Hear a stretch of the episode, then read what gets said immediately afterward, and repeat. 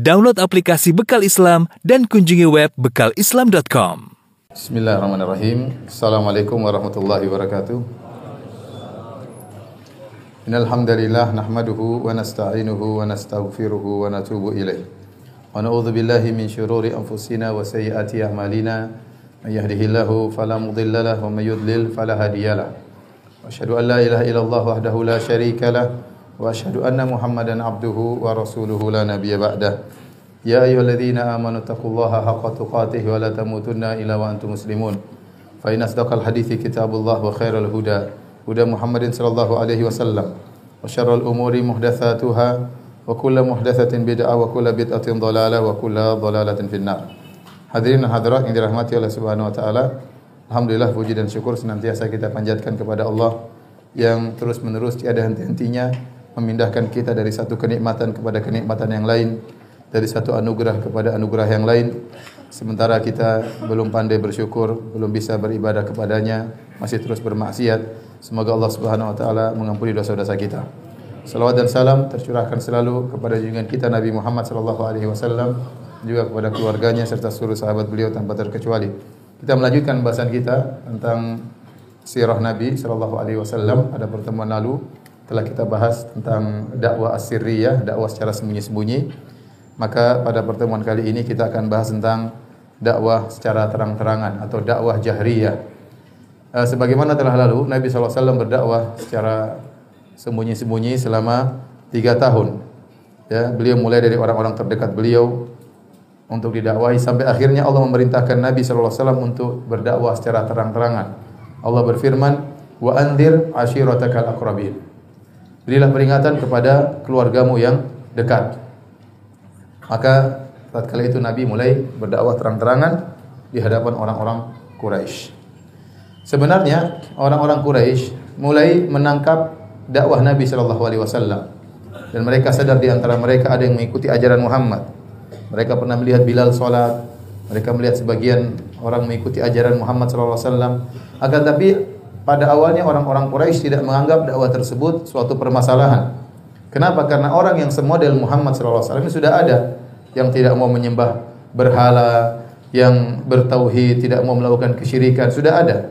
Makanya ada buku judulnya Al-Ahnaf yaitu orang-orang yang hidup di zaman jahiliyah namun mereka tidak berbuat kesyirikan. Di antara orang tersebut misalnya Waraqah bin Naufal. Waraqah bin Naufal tidak pernah berbuat kesyirikan. Di antaranya Umayyah bin Abi Sal. Di antaranya Zaid bin Amr bin Naufal. Di antaranya Amr bin Abasa As-Sulami. Di antaranya Sirmah bin Abi Anas. Di antaranya Khalid bin Sinan Al-Absi dan Qus bin Sa'idah. Ini orang-orang yang mereka juga mirip dengan ajaran Rasulullah SAW tidak mau melakukan kesyirikan. Dan dakwah ini dibiarkan lama-lama hilang sendiri. Dakwah lama-lama hilang sendiri karena mereka tidak menyuruh orang untuk seperti mereka. Mereka bertauhid tapi untuk sendiri. Ya, mereka menyangka Muhammad juga akan seperti itu. Ya, biarin aja dia tidak menyembah berhala. Ada yang ikut dia tapi lama-lama hilang sendiri. Namun kenyataannya tidak tidak demikian. Terlebih lagi tatkala Nabi SAW mulai berdakwah secara terang-terangan. Terlebih lagi Nabi SAW mulai mengusik mereka. Ini haram, ini tidak boleh, ini syirik. Nabi menegur mereka yang sebelum-sebelumnya tidak pernah menegur, ya, mungkin menegur sekali-sekali, tapi tidak dakwahnya tidak uh, tidak seperti Nabi SAW yang menyala-nyalakan nenek moyang, yang mensyirik-syirikan mereka, yang menakut-nakuti mereka dengan neraka. Yang sebelumnya tidak ada yang seperti itu. Hanya tidak mau syirik, namun tidak berbicara tentang surga dan neraka. Rasulullah SAW dakwah Nabi membuat mereka gelisah karena dakwah Nabi tidak seperti uh, sebelumnya. Disebutkan oleh para ahli sejarah dalam buku-buku sirah seperti Sirah Ibnu Ishaq bahwa di akhir dakwah Sirriyah setelah Nabi berdakwah tiga tahun, maka pengikut Nabi sekitar 50 sampai 60 orang. Ya. Yang telah masuk Islam ya. Banyak ya saya saya sebutkan banyak sekali cuma kalau kita baca terlalu lama ya. Jadi uh, mereka ini sekitar 50 atau 60 orang yang di awal-awal masuk Islam ya. Di antaranya Abu Ubaidah bin Jarrah, Abu Salamah, Al-Arqam bin Abil Arqam, baca semuanya ya. Biar antum tahu siapa 60 orang tersebut. Ini orang-orang pertama yang jasanya sangat besar. Harusnya kita mengenal mereka harusnya. Cuma waktu tidak ada. Ya.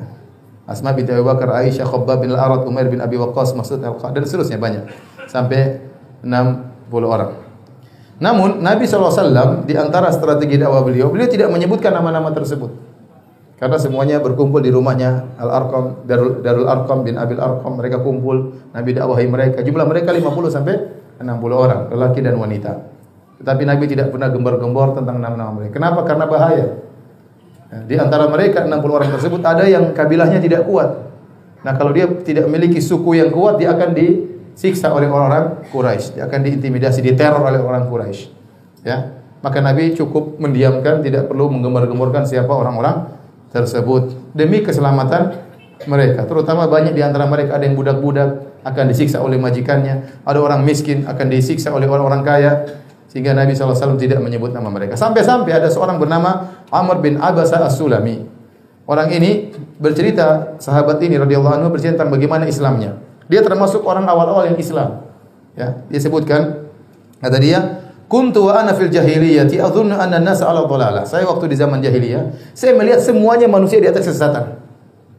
Dia juga termasuk ahnaf tadi yang tidak mau melakukan apa? kesyirikan. Jadi lihat orang semuanya memberhala. Dia sendiri semua orang sesat ya.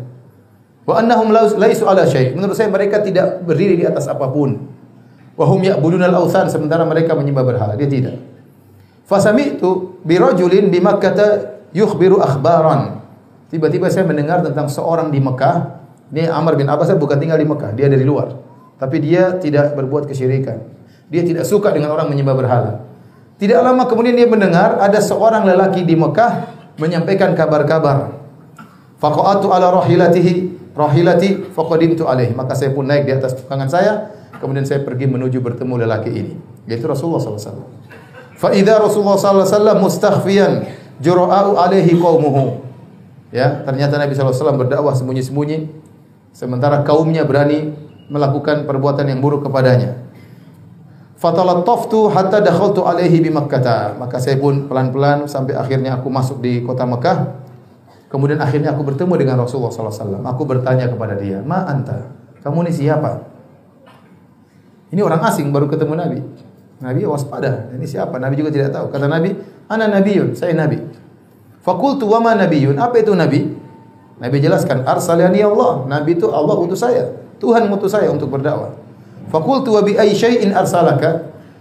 Allah mengutusmu dengan apa? Qala arsalani bi arham wa kasril awthan wa an yuwahhadallahu la bihi syai'. Allah mengutusku untuk menyampaikan agar manusia menyambung silaturahmi agar berhala-berhala dihancurkan, agar Allah ditauhidkan dan tidak disekutukan sama sekali. Qultu lahu faman ma'aka ala hadha? Siapa yang bersamamu di atas agama seperti ini? Qala hurrun wa abdun, seorang hamba yang merdeka dan seorang budak. Qala wa ma'ahu yauma idin Abu Bakrin wa Bilal. Tatkala itu bersama Nabi Abu Bakar dan dan Bilal karena Bilal sudah dibeli oleh siapa? Dibebaskan oleh Abu Bakar dari tuannya Umayyah bin Khalaf. Ya. Miman aman Nabi termasuk orang yang beriman kepada Nabi. Fakultu inni muttabi'uk kata Amr bin Abbas saya mau ikut engkau sekarang. Saya menjadi pengikutmu sekarang di Mekah.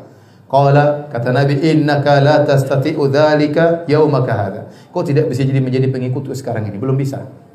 Ala taruh hali wa halan nas, tidak kau lihat bagaimana kondisiku dan kondisi orang-orang. Walakin irji' ila ahli, pulang ke kampungmu. Fa idza sami'ta bi qad dhahartu fa'tini. Kalau nanti kau dengar saya sudah Islam sudah tersebar di mana-mana, maka silahkan kau datang menemuiku. Sekarang belum saatnya. Di sini Nabi SAW hanya menyebutkan yang bersama dia Abu Bakar dan siapa? Bilal. Padahal ada orang-orang lain juga masuk Islam. Tapi ini kondisinya gawat. Nabi tidak tahu ini siapa orang yang bertanya. Ya, kalaupun dia ikut Nabi bahaya. Dia datang dari luar tinggal di Mekah bakalan dipukulin sama orang Quraisy. Maka Nabi di antara masalah Nabi tidak menceritakan siapa-siapa saja yang Islam. Padahal kalau Nabi sebutkan sudah ikut saya 60 orang, bagus sebenarnya kan sudah banyak berarti lebih mudah. Banyak pengikut semakin menambah orang tertarik. Tetapi ternyata Nabi tidak menyebutkan nama-nama orang ikut Nabi, khawatir mereka akan diteror oleh orang-orang Quraisy. Dan ternyata Amr bin Abbas As-Sulami akhirnya dia pulang, dia malah berdakwah di kampungnya dan akhirnya ketemu lagi dengan Nabi di lain waktu. Ya, radhiyallahu taala. Hadis ini riwayat Muslim. Taib hadirin dan hadirat yang rahmatillah subhanahu wa taala. Setelah Nabi berdakwah tiga tahun, maka Allah perintahkan Nabi untuk berdakwah terang-terangan. Aisyah radhiyallahu taala anha bercerita, "Lamma nazalat wa anzir ashiratakal aqrabin." tatkala turun firman Allah, berilah peringatan kepada orang-orang terdekatmu. Ya. Yang pertama dulu waktu suruh dakwah, kum fa'andir. Bangunlah dan beri peringatan. Tapi dengan diam-diam dakwah satu persatu. Sekarang enggak, disuruh terang-terangan di hadapan orang Quraisy. Ya. Wa anzir ashiratakal aqrabin. Berilah peringatan kepada keluargamu, kerabatmu terdekat. Qama Rasulullah sallallahu alaihi wasallam ala sofa. Maka waktu turun ayat ini, Nabi tahu saatnya dia berdakwah terang-terangan. Maka Nabi SAW naik di atas bukit Sofa. Tahu bukit Sofa Marwah? Nabi SAW naik di atas bukit Sofa. Kemudian Nabi berteriak, Ya Fatimah tu bintu bintu Muhammadin. Wahai Fatimah, putrinya Muhammad. Ya Sofiyah tu bintu Abdul Muttalib. Wahai Sofiyah, putrinya Abdul Muttalib. Wahai Sofiyah, tanteku maksudnya. Kan Abdul Muttalib kakek Nabi, berarti Sofiyah tantenya Nabi SAW. Ya Bani Abdul Muttalib, wahai anak-anaknya Abdul Muttalib. Maksudnya wahai paman-pamanku. Nabi panggil semuanya. Anaknya, tantenya, paman-pamannya. La amliku lakum minallahi syai'a. Aku tidak bisa menolong kalian sama sekali dari Allah. Saluni mimali ma syi'tum. Kalau kalian minta harta dariku, silahkan mungkin saya bisa bantu. Tapi kalau minta keselamatan, saya tidak bisa menolong kalian sama sama sekali. Hadis ini riwayat Muslim. Dalam riwayat yang lain dari Abu Hurairah radhiyallahu anhu beliau berkata, Lama unzilat hadhil ayah, tatkala turun firman Allah wa anzir ashiratakal akrabin. Berilah peringatan kepada keluargamu yang terdekat. Da'a Rasulullah sallallahu alaihi wasallam Quraisyan karena keluarga Nabi terdekat orang-orang Quraisy. Nabi Quraisy ya. Di Mekah isinya orang-orang Quraisy. Ya. Maka Nabi manggil orang-orang Quraisy. Fajtama'u fa'amma wa khassa. Maka mereka pun berkumpul. Nabi SAW panggil secara umum, kabilah Quraisy secara umum, Nabi panggil secara kabilah secara khusus, suku-suku kecilnya termasuk suku besarnya. Ya. Misalnya kalau gampangannya kita bilang, "Wahai orang Jawa," ini berarti umum. Wahai uh, Semarang misalnya Jawa lebih sempit misalnya. Ini namanya amma wa khassa. Jadi Nabi manggil Quraisy secara umum, kemudian Nabi manggil secara suku-suku kecilnya. Semuanya dipanggil oleh Nabi sallallahu alaihi wasallam. Maka Nabi berkata, "Ya Bani Ka'ab bin Lu'ay." Wahai anak-anaknya Ka'ab bin Lu'ay ini lebih tinggi lagi, lebih umum. Kakek yang keberapa Ka'ab bin Lu'ay? Angkidhu anfusakum minan nar. Selamatkanlah diri kalian dari neraka jahanam. Ya Bani Murrah bin Ka'ab. Wahai Murrah bin Ka'ab. Di bawahnya lagi. Ini Quraisy semua. Angkidhu anfusakum minan nar. Selamatkanlah diri kalian dari neraka jahanam. Wahai ya Bani Abdi Syams, angkidhu anfusakum minan nar. Lebih spesifik lagi. Wahai anak-anaknya Abdul Syams, selamatkanlah diri kalian dari neraka jahanam. Ya Bani Abdi Manaf, kembali kakeknya Nabi. Wahai anak-anaknya Abdul Manaf, kakek yang kesekiannya Nabi sallallahu alaihi wasallam. Angkidhu anfusakum minan nar. Selamatkanlah diri kalian dari neraka jahanam. Ya Bani Hashim, lebih spesifik lagi. Karena Nabi Muhammad bin Abdullah bin Abdul Muttalib bin Hashim bin Abdi Manaf bin Qusay bin Kilab. Jadi kata dia wahai Abdul Syamsu saudaranya uh, Abdul Abdul Manaf. Wahai anak-anak Abdul Abdul Abdul Syams, wahai anak-anak Abdul Manaf, wahai anak-anaknya Hashim Bani Hashim. Kemudian lebih spesifik lagi, wahai anak-anaknya Abdul Muttalib, yaitu wahai paman-pamanku. Angkidu anfusakum minan nar, selamatkanlah diri kalian neraka jahanam. Lebih khusus lagi putrinya sendiri. Ya Fatimah tu, angkidi nafsaki minan nar. Wahai Fatimah, selamatkan dirimu dari neraka jahanam. Fa inni la amliku lakum minallahi syai'a. Aku tidak bisa menyelamatkan kalian kalian semuanya dari Allah Subhanahu wa taala sama sekali. Ghairu anna lakum rahiman sa'abuluha bibilaliha. Hanya saja saya punya kewajiban untuk menyambung rahim dengan kalian. Dan aku akan menyambung silaturahim dengan dengan kalian. Dalam riwayat yang lain, Nabi SAW berkata kepada pamannya, Abdul Al Abbas bin Abdul Muttalib, Ya Abbas ibn Abdul Muttalib, wahai Abbas pamanku, anaknya Abdul Muttalib, la ugni anka min Allah syai, aku tidak bisa menolong engkau sama sekali dari Allah. Ya Safiyah tu ammata Rasulillah, wahai Safiyah, tantenya Rasulullah, la ugni anki min Allah syai, aku tidak bisa menolong engkau sama sekali. Wa ya Fatimah tu binta Muhammadin, wahai Fatimah putri Muhammad, salini ma syi'ti min mali, mintalah dariku harta yang kau inginkan. Saya kasih kalau saya punya. Akan tapi la ugni anki minallahi syai. Aku tidak bisa menolong wahai putriku sama sekali dari Allah Subhanahu wa taala. Ya, disebut dalam riwayat yang lain, Nabi SAW waktu ingin manggil mereka, Nabi SAW naik di bukit sofa, kemudian Nabi berteriak, Ya Sobaha, ini panggilan. Ya Sobaha itu panggilan, berarti ada panggilan darurat. Kalau orang-orang jahiliyah dahulu mereka ingin mengumpulkan masyarakat, mereka naik di atas sebuah gunung, mereka robek baju mereka, Tidak berpakaian di atas, kemudian mereka ambil pasir ditumpah-tumpahkan di atas kepala mereka sambil berteriak, "Ya Sobaha, ya Sobaha." Berarti ini panggilan darurat, ya. Nabi mengikuti cara ini untuk memanggil tradisi mereka memanggil masyarakat, tapi tidak perlu buka baju, tidak perlu siram-siram pasir di kepala. Makanya dijadikan dia oleh para ulama, setiap tradisi yang itu baik dan tidak bertentangan dengan Islam, maka boleh dilestarikan selama tidak bertentangan dengan Islam. Kalau ada tradisi bertentangan Islam, maka hendaknya dimodif supaya sesuai dengan Islam. Sesuai dengan is Islam ya. Jadi Islam datang untuk memfilter tradisi yang yang ada. Bukan tradisi memfilter Islam, jangan kebalik ya. Kita ingin mengislamkan Nusantara, bukan menusantarakan apa? Islam. Islam ini rahmatan lil alamin untuk seluruh alam semesta. Nusantara Islam, Arab juga ke Islam, Eropa Islam, ya. Australia Islam, Afrika Islam. Ya. Bukan Islam Afrika, Islam Eropa. Salah, Islam ini universal. Semuanya agar jadi Islam. Bagaimana caranya? Islam memfilter. Kalau ada budaya yang baik maka kita pertahankan. Ada budaya yang salah kita perbaiki. Kita perbaiki agar sesuai dengan Islam. Nabi SAW memanfaatkan tradisi bagaimana mengumpulkan orang-orang. Tidak jadi masalah. Hukum asal dalam perkara adat adalah kalau bukan ibadah maka hukum asalnya adalah boleh. Tetapi Nabi tidak mengikuti cara-cara yang salah seperti membuka baju, melemparkan pasir di atas kepala ini tidak diikuti oleh Nabi Shallallahu Alaihi Wasallam. Setelah orang-orang Quraisy semua berkumpul, semuanya berkumpul. Faja'ala rajulu idza lam yastati an yakhruj arsala rasulan yanzuru ma huwa. Semua orang berkumpul. Kalau ada orang tidak bisa keluar, itu Muhammad panggil apa? Ada apa itu?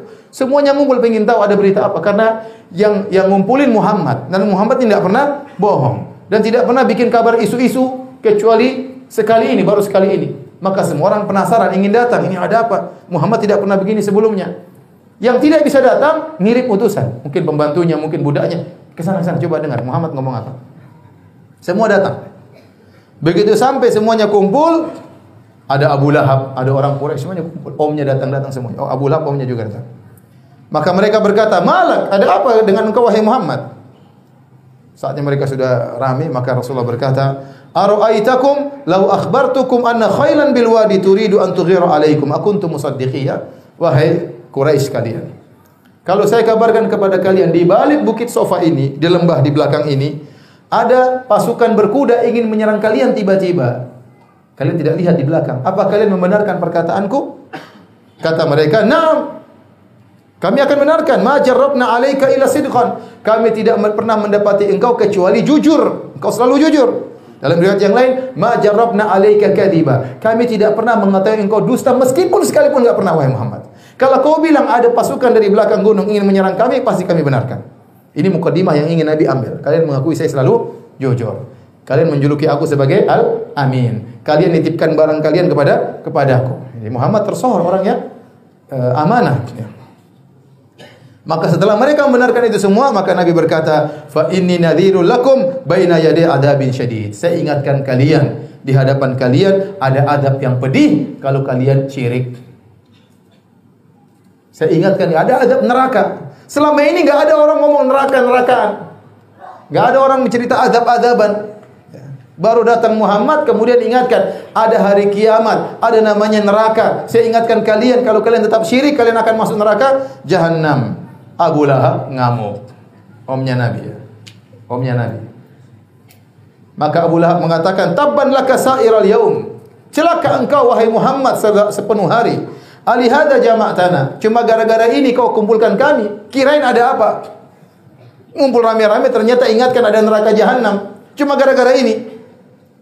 Fanazalat maka turunlah firman Allah langsung Tabbat yada Abi Lahab wa tabb. Celaka kedua tangan Abu Lahab. Sebagian ahli tafsir mengatakan Abu Lahab waktu ngomong, "Hei Muhammad, kamu jangan begini." celaka kedua tangannya nunjuk-nunjuk Muhammad. celaka kedua tangan Abu Lahab. Wa tabba dan celaka dia. Dua tangannya celaka dan dia juga celaka. Ma agna anhu maluhu wa. Tidak bermanfaat baginya di akhirat kelak harta yang dia kumpulkan dan anaknya tidak bisa menolongnya. Subhanallah harusnya pamannya membela dia, ini paman yang malah apa? Mengingkari pertama pertama kali. Ya. Para hadirin dan hadirat yang dirahmati oleh Allah Subhanahu wa taala, Jadi tadi kita sudah singgung Nabi SAW uh, memanfaatkan tradisi orang-orang jahiliyah yang tidak bertentangan dan Nabi SAW banyak ya seperti tradisi jahiliyah memuliakan tamu, tradisi jahiliyah yang mereka apa namanya suka membantu orang susah, tradisi jahiliyah masalah keberanian itu semua dilestarikan oleh Nabi SAW. Tradisi jahiliyah setia kawan itu juga dilestarikan oleh oleh Islam. Bahkan kita boleh mengikuti tradisi orang-orang kafir kalau itu bermanfaat dan tidak ada kaitannya dengan agama. Tidak jadi masalah. Contoh, kita dengar orang-orang Yahudi katanya kalau makan selalu buah dulu. Ya. Diikuti oleh sebagian orang Islam katanya buah itu baik. Tradisi ini tradisi orang Yahudi katanya. Tapi nggak ada masalah ya kalau memang itu ber, bermanfaat.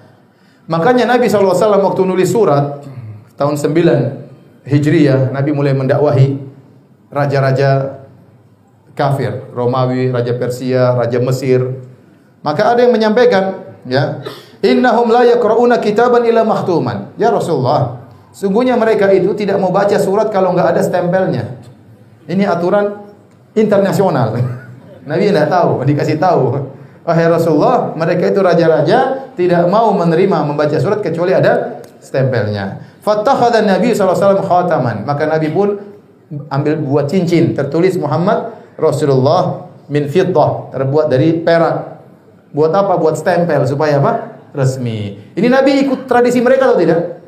Ikut, tapi tradisi ini gak ada masalah dan ada manfaatnya. Hah? Sama seperti Nabi SAW waktu perang Khandaq.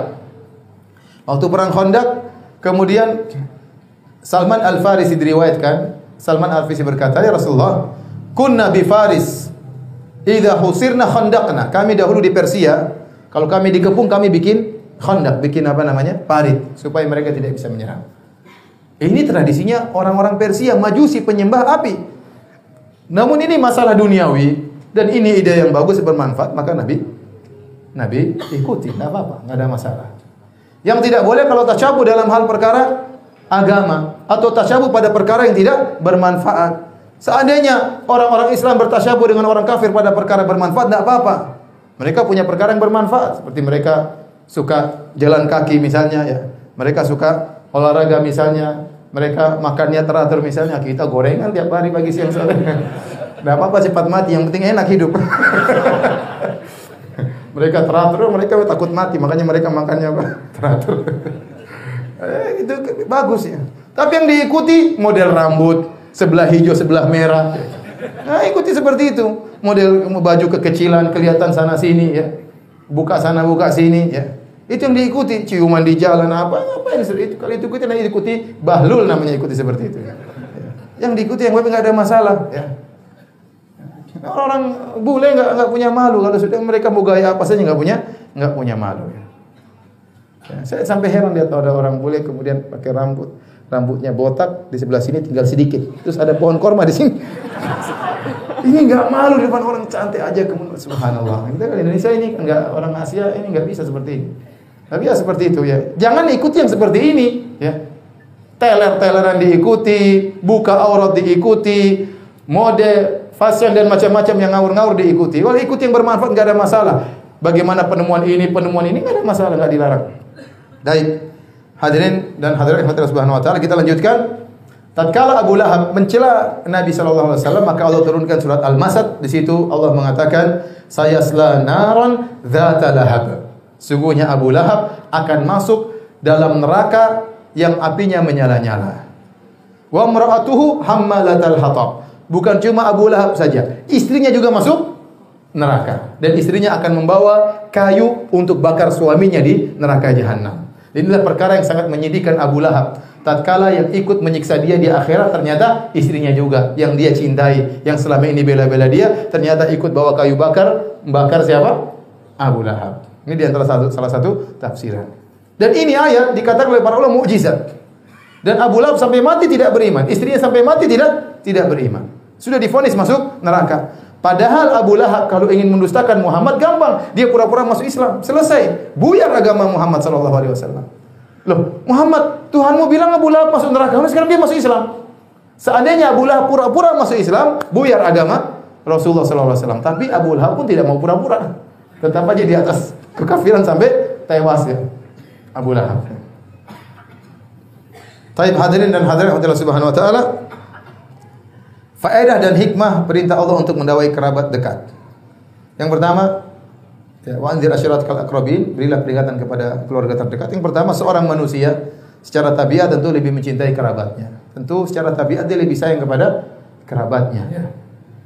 Ini uh, tabiat orang-orang Arab seperti itu. Sampai sekarang mereka menjaga nasab mereka. Sampai sekarang mereka masih pasang fam-fam di belakang ya. Dan itu bagus untuk mengenal apa? uh, untuk menyambung silaturahmi. Mereka lebih sayang kepada kerabat dan itu dianjurkan. Maka seorang berusaha mendakwahi kerabatnya terlebih dahulu. Kemudian umumnya karib kerabat itu lebih mudah mendengar karena ini orang dalam istilahnya.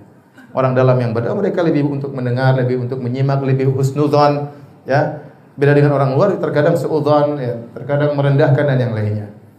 Kemudian karib kerabat punya hak lebih besar dibandingkan orang di luar karib karib kerabat. Kemudian yang berikutnya, seandainya karib kerabat menerima dakwah, maka mereka adalah modal yang besar. Karena kalau ada gangguan dari luar, ternyata dibela oleh karib kerabat ini adalah pembelaan yang sangat kuat. Oleh karenanya tatkala Nabi Lut dimusuhi oleh kaumnya, Nabi Lut tidak bisa berbuat apa-apa. Dia tidak punya kerabat membela dia. Apa kata Allah? Qala, "Lau anna li bikum quwwah, lau anna li bikum quwwatan aw awi ila ruknin syadid." Waktu dia di dipojokkan oleh kaumnya, wa jaa qaumuhu yuhra'una ilaih. Tatkala ada tamu-tamu datang di Nabi Lut, malaikat-malaikat yang berubah menjadi laki-laki yang tampan-tampan, akhirnya istri Nabi Lut kasih tahu penduduk negeri tersebut semuanya homoseksual. Ih, ada cowok-cowok ganteng ke rumahnya siapa? Nabi Lut. Maka mereka datang tergesa-gesa menuju rumah Nabi Lut dalam kondisi syahwat sudah memuncak. Ya, dan mereka mendorong Nabi Lut, "Mana tamumu? Biarkan kami lihat tamu, biarkan." Ingin ketemu dengan tamu-tamunya Nabi Nabi Lut. Tatkala di pojokan Nabi Lut berkata, "Lau anna li bikum quwwatan aw awi ila ruknin syadid." Seandainya saya punya kekuatan untuk menolak kalian, seandainya saya punya suku yang saya bisa jadi pegangan yang kuat. Tapi tatkala tidak ada sukunya, semua sukunya homoseksual. Maka kalau seorang punya kabilah yang kuat, dia bisa bertahan. Bahkan meskipun kabilah itu ternyata tidak beragama sama dia, terkadang membela. Contohnya Abu Talib membela siapa? Nabi SAW. Nanti akan kita jelaskan tatkala uh, di boikotnya di Syiah uh, Abu Talib pertemuan-pertemuan berikutnya insya Allah. Demikian juga waktu Nabi Shu'aib alaihissalam mendakwahi kaumnya, melarang mereka berbuat curang dalam timbangan, wa auful kail, sempurnakanlah timbangan. Maka mereka kaumnya Nabi Shu'aib mengancam Nabi Shu'aib. Kata mereka, "Ya Shu'aibu, ma nafqahu katsiran mimma taqul." Wahai Shu'aib, kami tidak paham apa yang ngomongkan. Bukan mereka tidak mau paham, bukan tidak paham. Ente ngomong apa sih wahai Syuaib? Ngoceh melulu, kami enggak paham. Wa inna lanaraka fina dha'ifa. Dan menurut kami kau itu orang lemah. Walaula rahtuka larajamna. Kalau bukan karena ada kabilahmu, sudah kami lemparin batu sampai mati kamu wahai Syuaib. Tapi kenapa mereka tidak jadi melempar Syuaib dengan batu dirajam? Karena Nabi Syuaib punya suku yang yang kuat. Jadi kalau kita punya keluarga kuat, itu sangat penting bagi kita untuk apa? Berdakwah untuk bisa saling menjaga di atas uh, agama yang benar. Taib. Uh, para hadirin dan hadirat yang dirahmati Allah Subhanahu wa taala, apa sebab orang-orang Quraisy menolak dakwah Nabi sallallahu alaihi wasallam? Harusnya mereka terima. Kan lumayan ada dari antara mereka jadi nabi, kan top ini ada orang jadi akan bakalan top, bakalan terkenal, bakalan banyak pengikutnya. Harusnya orang Quraisy mendukung Muhammad sallallahu alaihi wasallam. Tapi ternyata mereka tidak mendukung Muhammad, bahkan mereka sangat menentang Muhammad. Padahal Quraisy itu semuanya sukunya Nabi sallallahu alaihi wasallam. Para ulama menjelaskan di antaranya karena pertimbangan duniawi, pertimbangan materi. Kenapa mereka menolak dakwah Rasulullah SAW karena pertimbangan duniawi? Karena Ka'bah berada di Mekah dan Mekah merupakan pusat peribadatan. Orang-orang dari penjuru Arab, jazirah Arab datang untuk beribadah di kota Mekah. Terlebih lagi di Ka'bah ada 360 berhala. Ya, berhala spesifik ya. Masing-masing yang datang punya berhala khusus. Yang satu hobinya berhala ini, yang satu pokoknya disediakan oleh orang-orang Quraisy. Sehingga dia menjadi pusat peribadatan dan ini membuat ramai dan jadilah dia pusat perdagangan. Secara ekonomi sangat sangat penting. Nah kalau ternyata berhala-berhalanya dihancurkan, orang-orang sudah cari berhalanya nggak ada, akan mengurangi wisatawan datang ke ke Mekah, ya, mengurangi pemasukan visa dan macam-macamnya. Dan yang lainnya, maka ya, mereka nolak, tidak mau. Khawatir nanti orang-orang akan meninggalkan kota kota Mekah. Ini sebab yang pertama, pertimbangan duniawi, materi. Karena ini pusat perdagangan. Kalau dirubah sistem yang sudah berjalan ini, bahaya. Orang nanti malah menjauh dari dari kota Mekah dan mereka tidak mau hal tersebut. Karena memang orang-orang Quraisy penghasilan mereka yang paling utama adalah berdagang. Yang kedua, mereka tidak mau menerima dakwah Rasulullah SAW. Kenapa? Karena taklid kepada nenek moyang. Dan ini sebab yang paling utama. Tidak mau mengikuti kebenaran karena taklid kepada nenek moyang. Hampir seluruh nabi ditolak dakwahnya karena kaumnya tidak mau meninggalkan tradisi nenek moyang. Kata Allah Subhanahu wa taala, "Wa kadzalika ma arsalna min qablika fi qaryatin min nadhirin illa qala mutrafuha Inna wajadna aba'ana ala ummah wa inna ala atharihim muqtadun. Demikianlah tidaklah kami utus sebelum engkau wahai Rasulullah kepada suatu negeri pun pemberi peringatan kecuali orang-orang yang angkuh dari negeri tersebut berkata, kami telah mendapati nenek moyang kami seperti ini, kami hanya tinggal ngikut nenek moyang.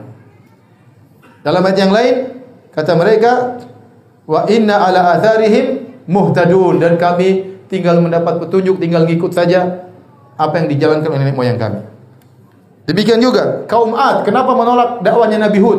Jauh kaum Ad menolak dakwanya Nabi Hud. Kenapa?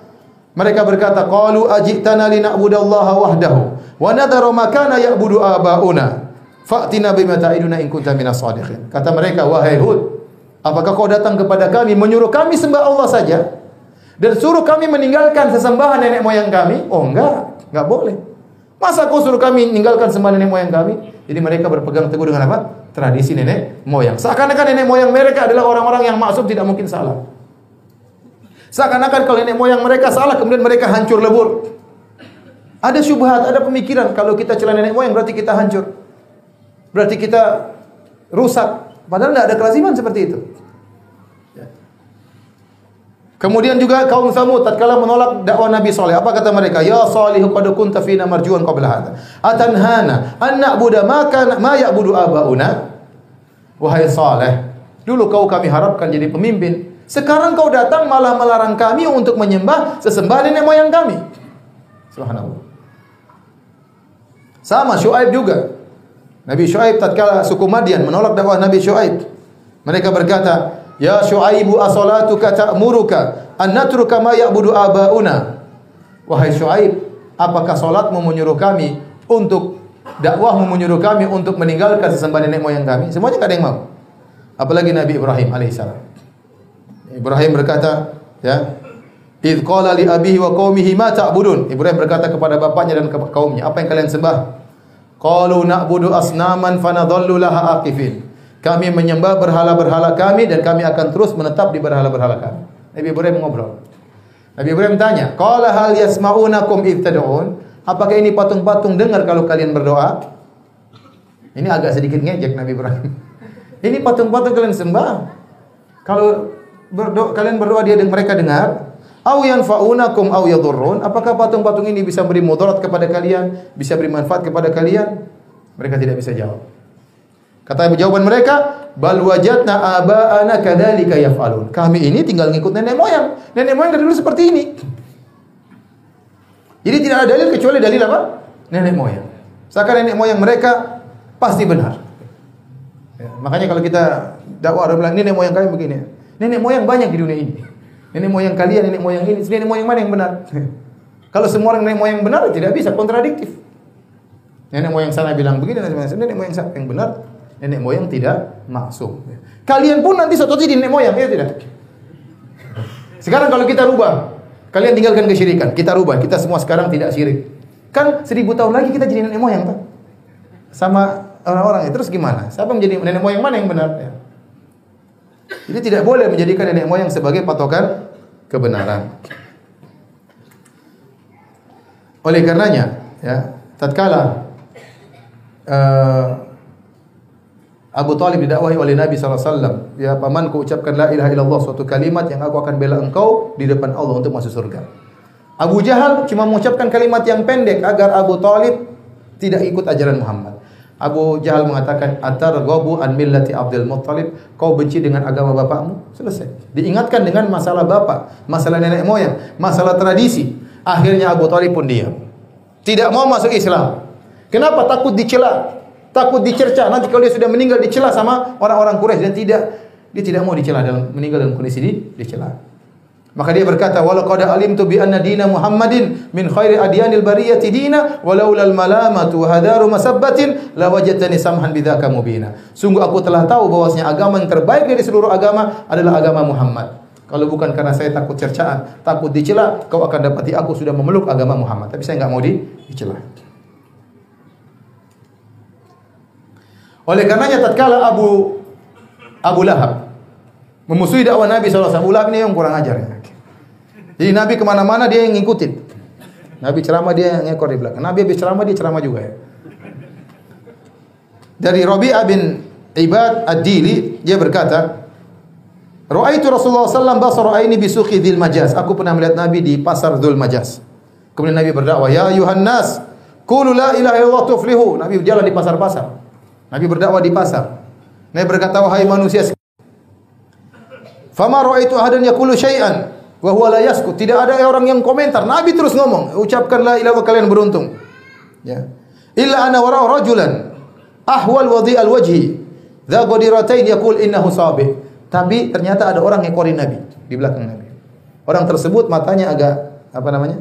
Begini namanya juling, tapi wajahnya tampan dan dia berkepang dua rambutnya. Ya. Kemudian dia berkata, "Innahu sabi." Kadzib. Sungguhnya Muhammad ini sabit yaitu orang yang keluar dari tradisi nenek moyangnya.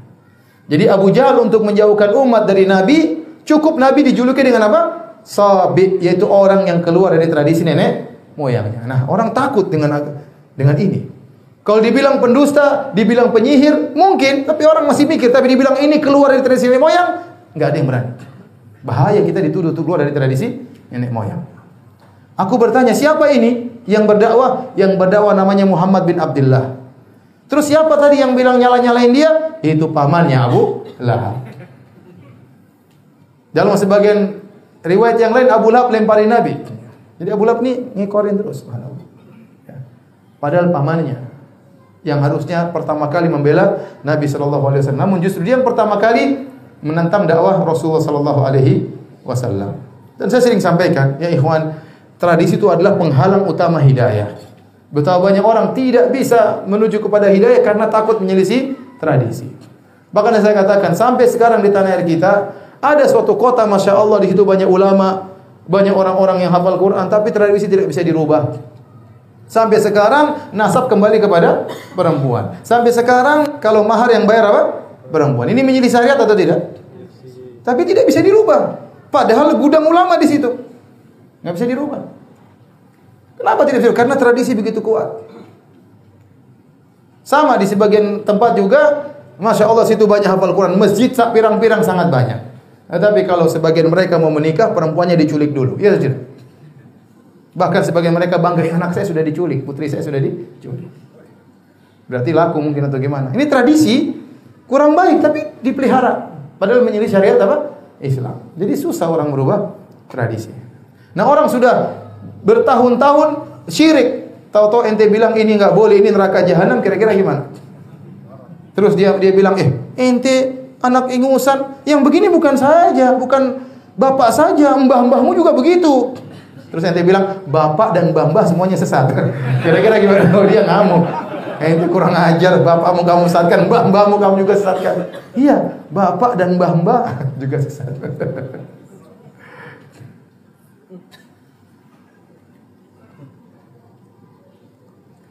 Baik, inilah yang, yang menjadikan mereka sulit untuk menerima hidayah karena berpegang teguh dengan tradisi. Kemudian, masih berapa menit lagi? Dua menit lagi ya. Lanjut apa sudah? Baik, di antara hal yang buat mereka tidak mau menerima dakwah karena fanatik kesukuan. Fanatik kesukuan.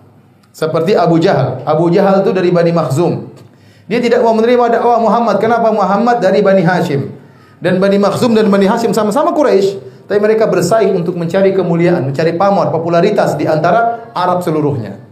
Makanya Abu Jahal pernah berkata, "Tanaza'na nahnu wa Banu Abdi Manaf asyaraf." Kami Banu Has Banu Makhzum bersaing dengan Banu Hashim. Kabilahnya Nabi sallallahu alaihi wasallam. Kami bersaing untuk mencari kemuliaan di hadapan orang-orang Arab. Atau amu faat amna. Mereka kasih makan sama orang miskin, kami juga kasih makan. Mereka bagi-bagi apa minuman air, makanan kami juga. Wa atau fa'ataina. Mereka memberi, kami juga memberi. Hatta idza tajathaina ala rukab wa kunna kafarasai rihan. Sampai tatkala kami sudah bersaing sampai setara dan sebanding Bani Makhzum dan Bani Hashim Qalu tiba-tiba Bani Hashim berkata, "Minna nabiyyun ya'til wahyu minas sama." Tiba-tiba Bani Hashim mengaku kami punya nabi, dapat wahyu dari langit. Nah, ini kalau gini kita nggak bisa bersaing. Siapa yang dari Bani Maksum jadi nabi? Nah, kalau kami membenarkan bahwasanya Muhammad ini nabi, berarti kami kalah saingan. Sudah selesai, paham atau tidak? Nggak paham saya ulangi ya. Jadi mereka sudah saingan dalam segala hal, masalah kebaikan bagi-bagi mereka sudah saingan. Ternyata tiba-tiba tatkala mereka sudah setara sebanding, tiba-tiba ada dari Bani Hashim mengatakan, "Kami punya nabi dari Bani Hashim, Muhammad, datang wahyu dari langit." Lah gimana kami kami menyaingi mereka? Enggak mungkin kami ngaku juga kami punya nabi namanya Abu Jahal. Enggak mungkin. Oleh karenanya kami harus mendustakan Muhammad supaya kami tetap dalam apa? Persaingan. Kalau kami membenarkan Bani Hashim punya nabi, selesai kami kalah saingan berarti kami kalah. Kami akan terlindas dan tenggelam lebur dalam kemuliaan Bani Bani Hashim. Itulah yang menyebabkan Abu Jahal tidak mau beriman kepada Muhammad karena hasad, karena dengki, fanasik terhadap sukunya. Baik, demikian saja uh, kajian kita. Insya Allah nanti pada salat kita ada tanya jawab. Wabillahi taufiq wal hidayah. Assalamualaikum warahmatullahi wabarakatuh.